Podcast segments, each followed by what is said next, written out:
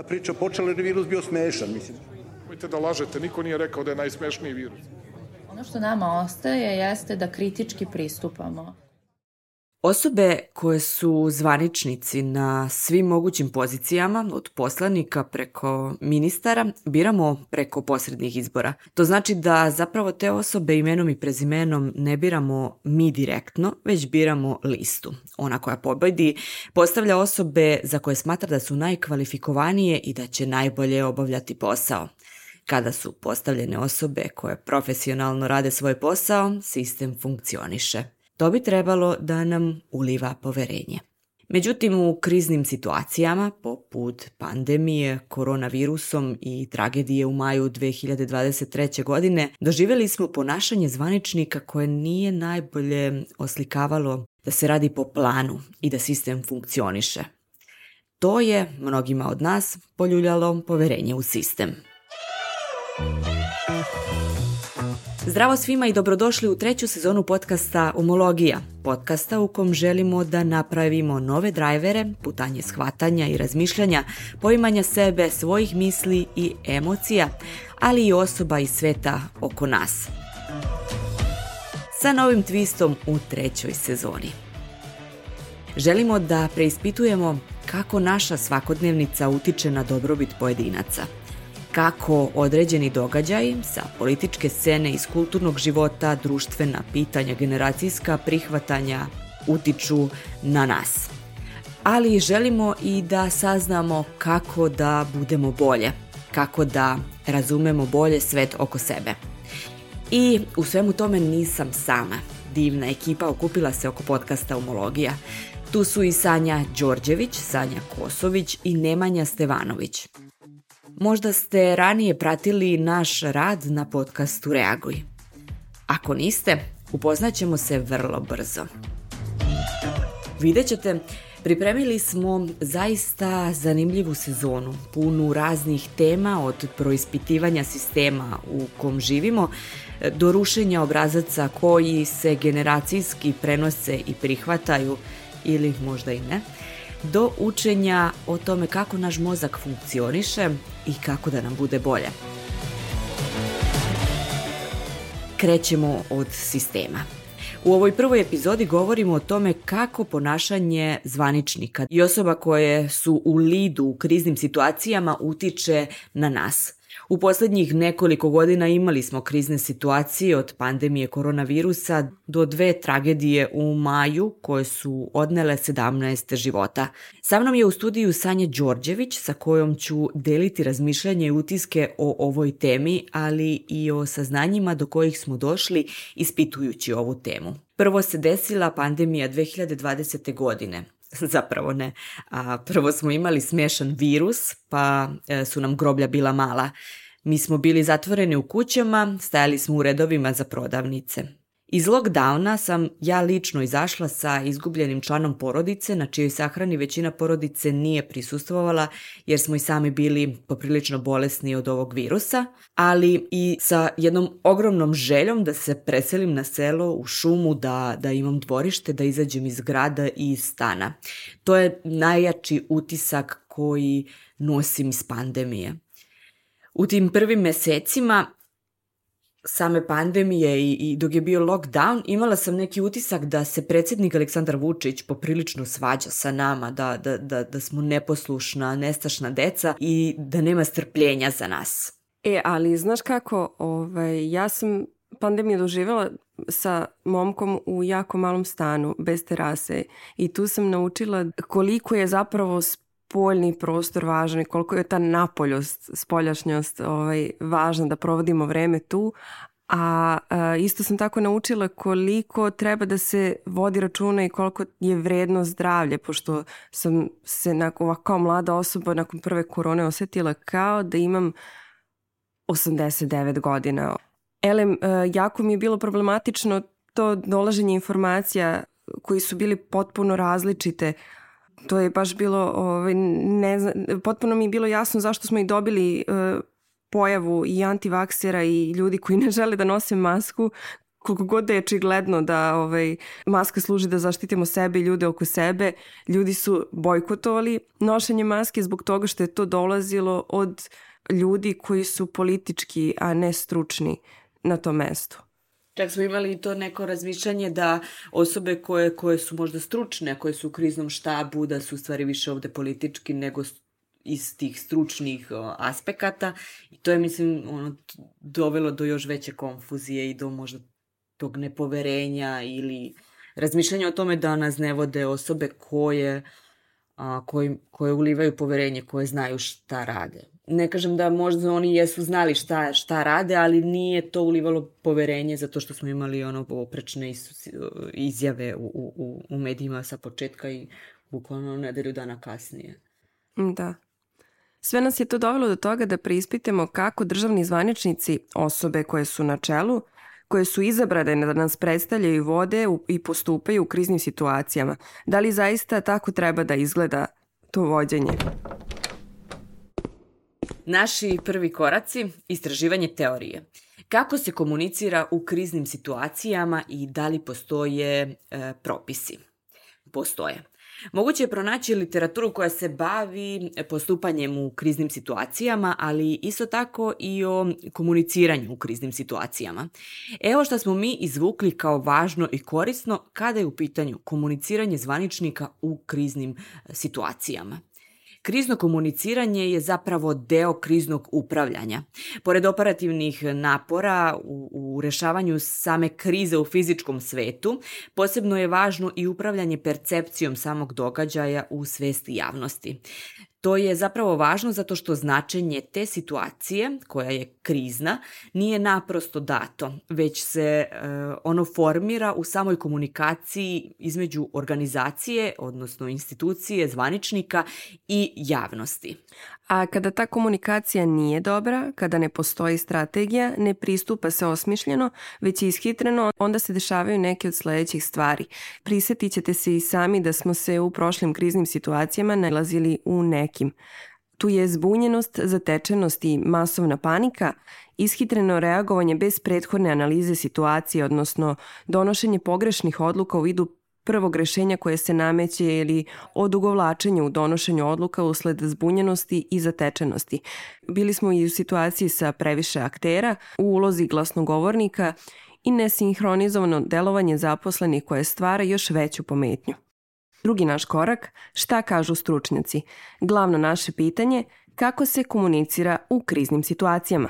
Izjave zvaničnika u situacijama krize ili kriznih situacija ili katastrofa su ključne zato što one zapravo objašnjavaju stanovništvu koje je pogođeno tom katastrofom e, kako treba da se ponašaju. Ali ono što je ključno svakako i što je na odgovornosti zvaničnika koji komuniciraju e, činjenice o određene kriznoj situaciji bez obzira da li je ona prirodna katastrofa neka ili, neka, ili neki tragični događaj koji je napravljen ili izazvan ljudskim delovanjem, te izjave moraju da budu uh, umirujuće, jasne, dakle ne sme da budu dvosmislene i moraju građanima da uh, objasne koliko će dugo trajati kako bi građani mogli shodno tome da planiraju svoje ponašanje u kriznoj situaciji. Ovo je bio Srđan Hercigonja iz Beogradskog centra za bezbednostnu politiku. Znači, zvaničnici treba da komuniciraju tako da daju prave informacije, ali i umire situaciju.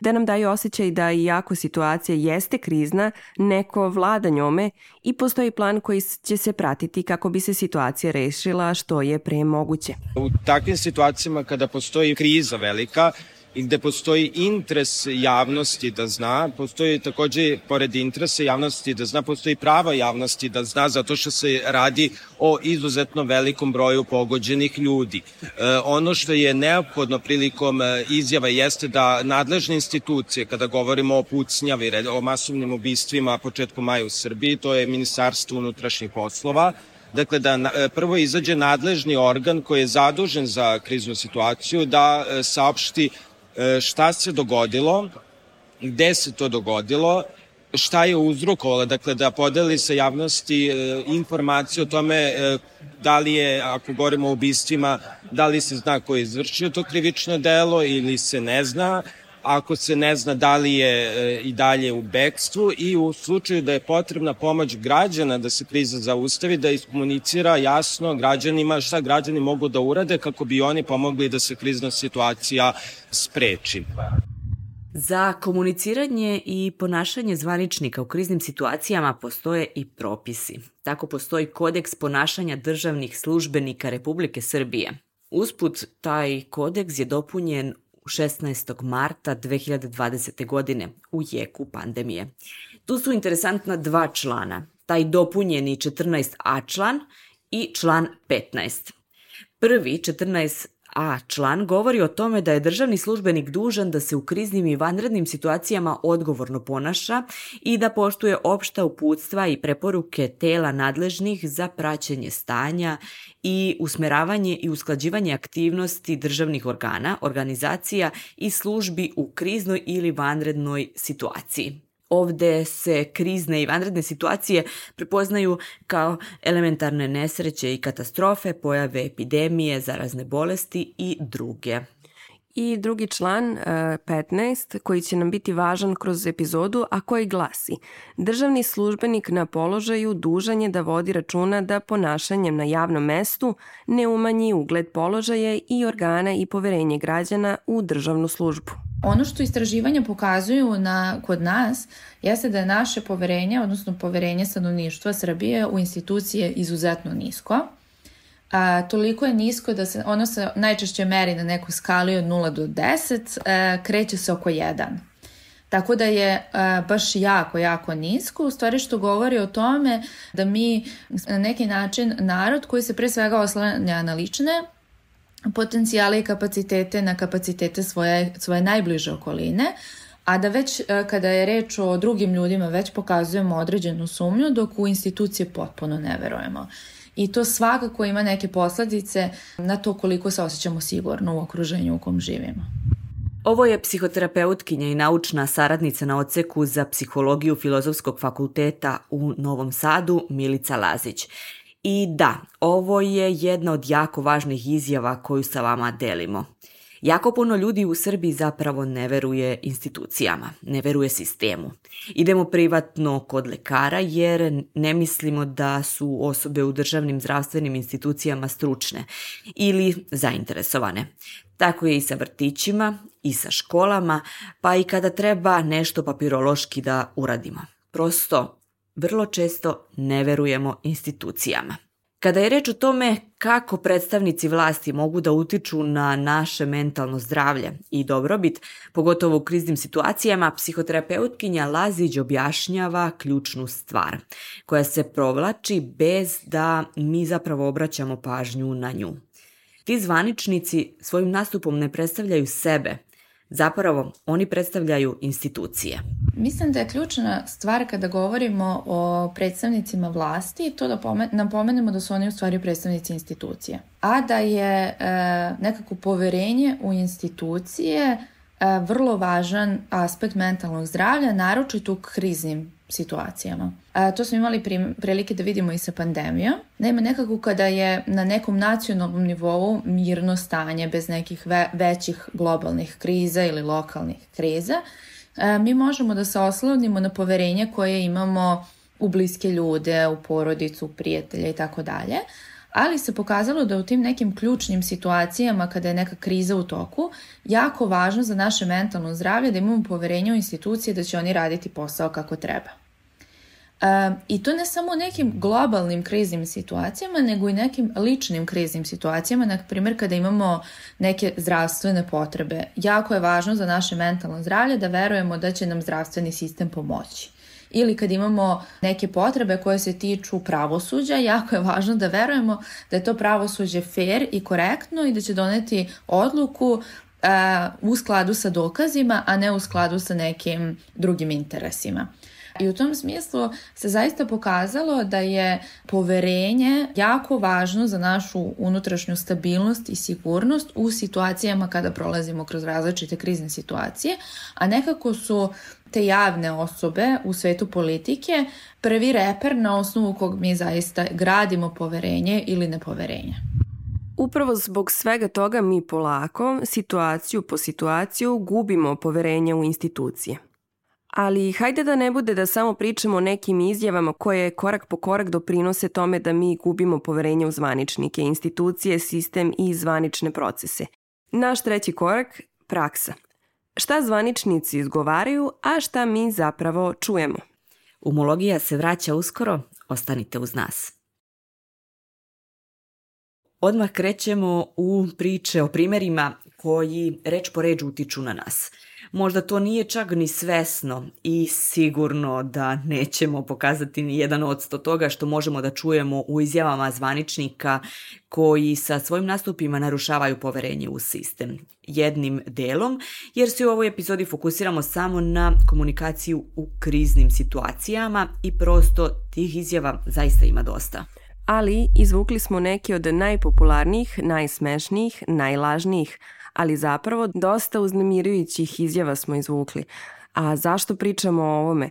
Zato što ovakve izjave deluju na to da se osjećamo nesigurno, da se plašimo jer ne znamo šta nas čeka, šta će biti ili vrlo verovatno da se u duboko u sebi plašimo da možda osobe koje nas vode neće dobro postupiti. Međutim, prvo slušamo Srđana Hercigonju iz Beogradskog centra za bezbednostnu politiku o tome kako je komuniciranje o širenju virusa korone uticalo na građane. Imali smo sa jedne strane jednu poruku koja je glasila da koronavirus nije opasan virus, da može da se putuje, da može da se ide u shopping, a onda samo nekoliko dana ili možda čak nedelju dana, dve nedelje kasnije smo imali veoma dramatične izjave od istih tih zvaničnika da će nam biti mala groblja, da će da, da svi moraju da budu zatvoreni i tako dalje. Dakle, radi se o, o slanju potpuno diametralno suprotnih poruka gde onda građani moraju sami da se obaveste o tome šta treba da čine i šta treba da rade. Dakle, oni su jednostavno, njima su poslate dve suprotne poruke od strane istih aktera koje su potpuno diametralne, dakle, suprotne informacije i e, to naravno zbunjuje građane u tom smislu da oni ne znaju šta da rade i na koji način dalje da e, deluju.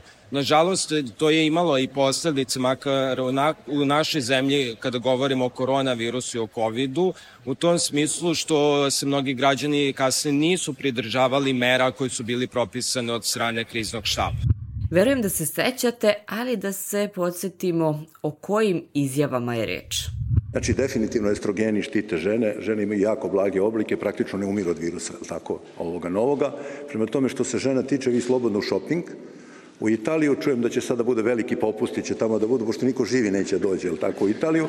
Prema tome, muževe sad, ovaj, malo pripremite, ali tako, ovaj, vi to znate dobro mentalno. Šalim se, ali stvarno mislim da je, ne razumem, ja moram priznam, ja sam u početku bio zatečen kad je počeo taj, ta priča, počela jer je virus bio smešan, mislim, znači, to je treća varijanta tog SARS-a, MERS-a, ali tako, koronavirusa, ovo je treća varijanta, on je najslabiji od sva tri.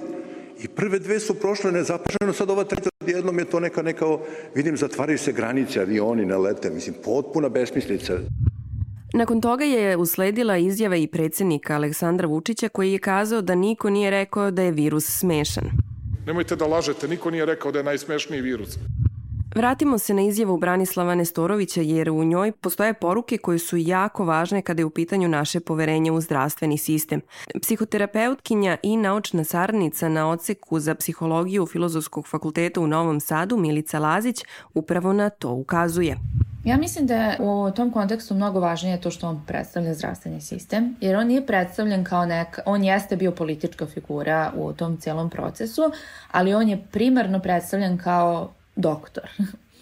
A, I pandemija jeste a, stvorila prostor a, da se gradi nepoverenje u jedan, da kažemo, sloj e, društva u koji smo imali poverenje. A to je, e, znači, stanovnici Srbije pokazuju izvesno dobro pre, poverenje, odnosno visoko poverenje, kada je u pitanju poverenje u naučnike, lekare, da kažemo, neke pojedince koji imaju određenu diplomu, koji su završili određenu školu, imaju neki kredibilitet u društvu. Mi smo imali e, sa pandemijom tu situaciju e, da su se na, u medijima u prvi plan stavljali e, lekari koji su e, se na neki način ismevali tu celu situaciju, davali pogrešne informacije. Onda smo se susretali sa time da nam lekari daju kontradiktorne informacije, pa imamo određene lekare koji kažu vakcinišite se, druge koji govore da se ne vakcinišemo, što zaista u stvari u, u stvara konfuziju kod e, osoba koje e, žele da se oslone na neke stručnjake, a ne da oni moraju da u stvari e, čitaju istraživanja da bi se odlučili za to da li će da se vakcinišu ili ne.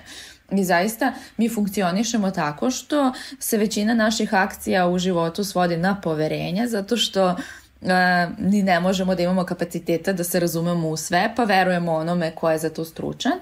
A, takve izjave i Nestorovića i nekih drugih lekara su u stvari mogle da doprinesu tome da se poljulja poverenje u, u lekare kao stručnjake, kao nekog ko je obrazovan, informisan, ko prati relevantnu literaturu i tako dalje, zato što su e, informacije koje su one davale nama potpuno drugačije i išle su iz krajnosti u krajnost i tu smo mogli da vidimo uh, koliko postoji u stvari problema u okviru te zajednice. A sada idemo u maj 2023. godine. Imamo još jednu izjavu. U pitanju je konferencija za novinare predsjednika Aleksandra Vučića ubrzo nakon tragedije u osnovnoj školi Vladislav Ribnikar u Beogradu. Pošto sam slušao čitao različite priče o tome kako se bore deca za opstanak, roditelji za opstanak. Ovde je sve suprotno. Ništa od klasičnih priča. Doći ja i do naše odgovornosti do toga šta su mere koje moramo da preduzmemo. Ovi ljudi su veoma dobro stojeći, kao i najveći broj roditelja, dece iz škole o kojoj govorimo. Njihova primanja nisu manja od 300.000 dinara. Reči o ljudima koji su u svakom smislu bili uzorni. Krem de la krem našeg društva uzoran lekar, profesor mikrobiologije, ako se ne varam, tako nečega. Način na koji je e, govorio u tom kontekstu je neodgovarajuć na više nivoa.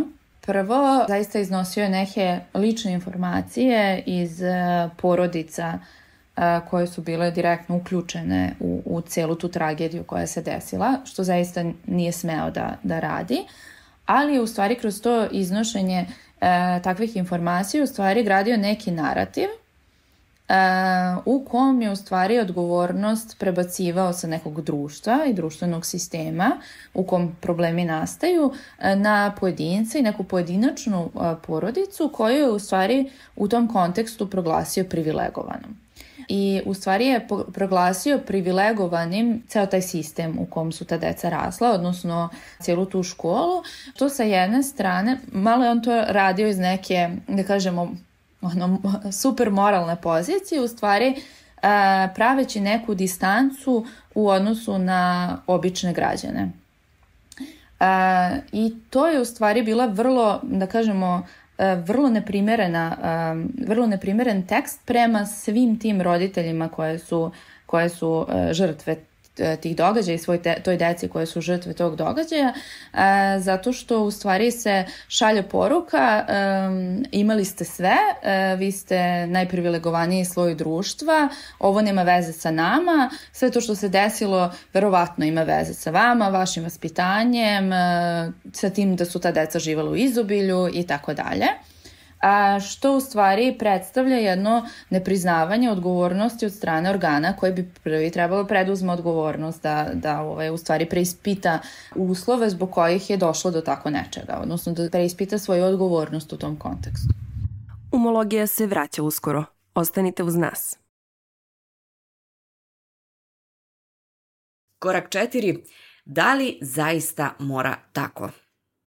Sigurna sam da nastupi zvaničnika ne moraju da budu takvi. I onda sam naišla na jedan tekst u kom je autor pisao o nastupu tadašnje premijerke Novog Zelanda, Jacinde Ardern, kada se u toj državi u martu 2019. godine desio težak teroristični napad u kome su ubijene 52 osobe, a 40 je povređeno to nije isti slučaj, nikako ne možemo da ga upoređujemo. Ovaj primjer vam pričamo samo da vidimo kako je premijerka Novog Zelanda tada reagovala. A Ona je tada rekla da osoba koja je počinila nasilje nije jedna od njih. Da je ta osoba htjela slavu, ali da ga ona neće imenovati jer od Novog Zelanda neće dobiti ništa, čak ni ime. I pozvala je da se govori o imenima onih koje su izgubili. Bila je sa svojim ljudima. Obilazila je džamije, išla je na sahrane i u bolnice. I ponovo podvlačimo da to nije isti slučaj, ali njena prisutnost sa ljudima Novog Zelanda ulila im je sigurnost u jednom veoma strašnom periodu. Zato imamo jedno najvažnije pitanje u ovoj epizodi. Šta građani mogu da učine po pitanju poverenja sistema kada je već ovakva situacija? U stvari je jako to teško pitanje zato što istovremeno je jako važno za vas, odnosno za sve nas, da imamo poverenje u sistem zbog našeg mentalnog zdravlja, a s druge strane, delo je kontraproduktivno imati poverenje u sistem koji ne funkcioniše.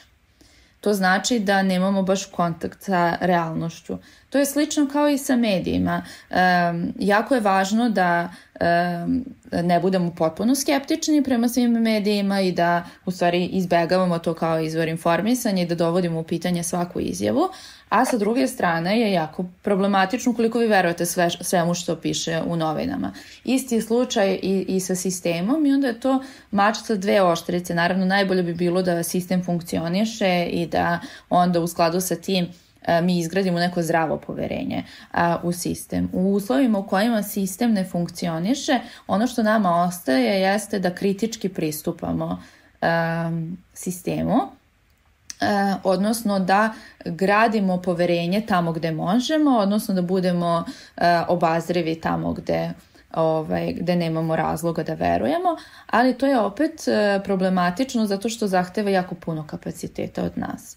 Zahteva to da, da se bavimo različitim oblastima za koje nismo eksperti e, da bismo shvatili kome treba da verujemo. e, zahteva to da ulažemo puno resursa koje bismo inače trebali da ulažemo u neke naše svakodnevne aktivnosti, da ulažemo u to da bismo mogli da donesemo odluku koju bi u stvari trebalo da donese neko drugi umjesto nas.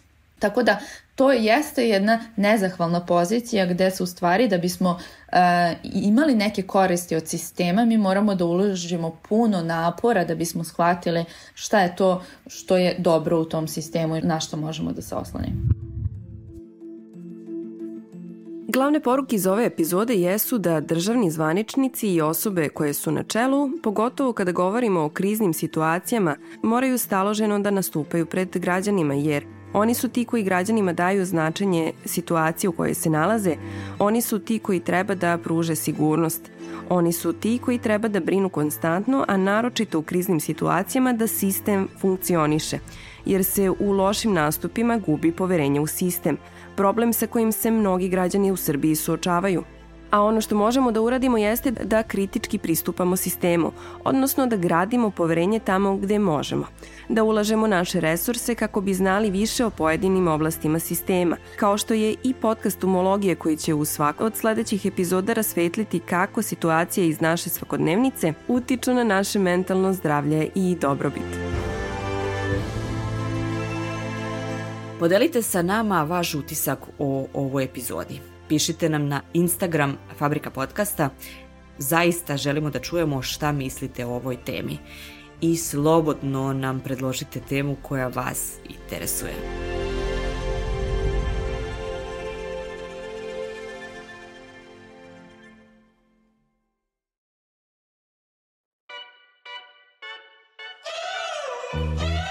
Slušali ste podcast Umologija podcast u kom želimo da napravimo nove drajvere, putanje shvatanja i razmišljanja, poimanja sebe, svojih misli i emocija, ali i osoba i sveta oko nas. Ovu epizodu su kreirali Sanja Đorđević, Sanja Kosović, Nemanja Stevanović i Aleksandra Bučko. Posebna zahvalnica dizajneru zvuka Jovanu Živkoviću.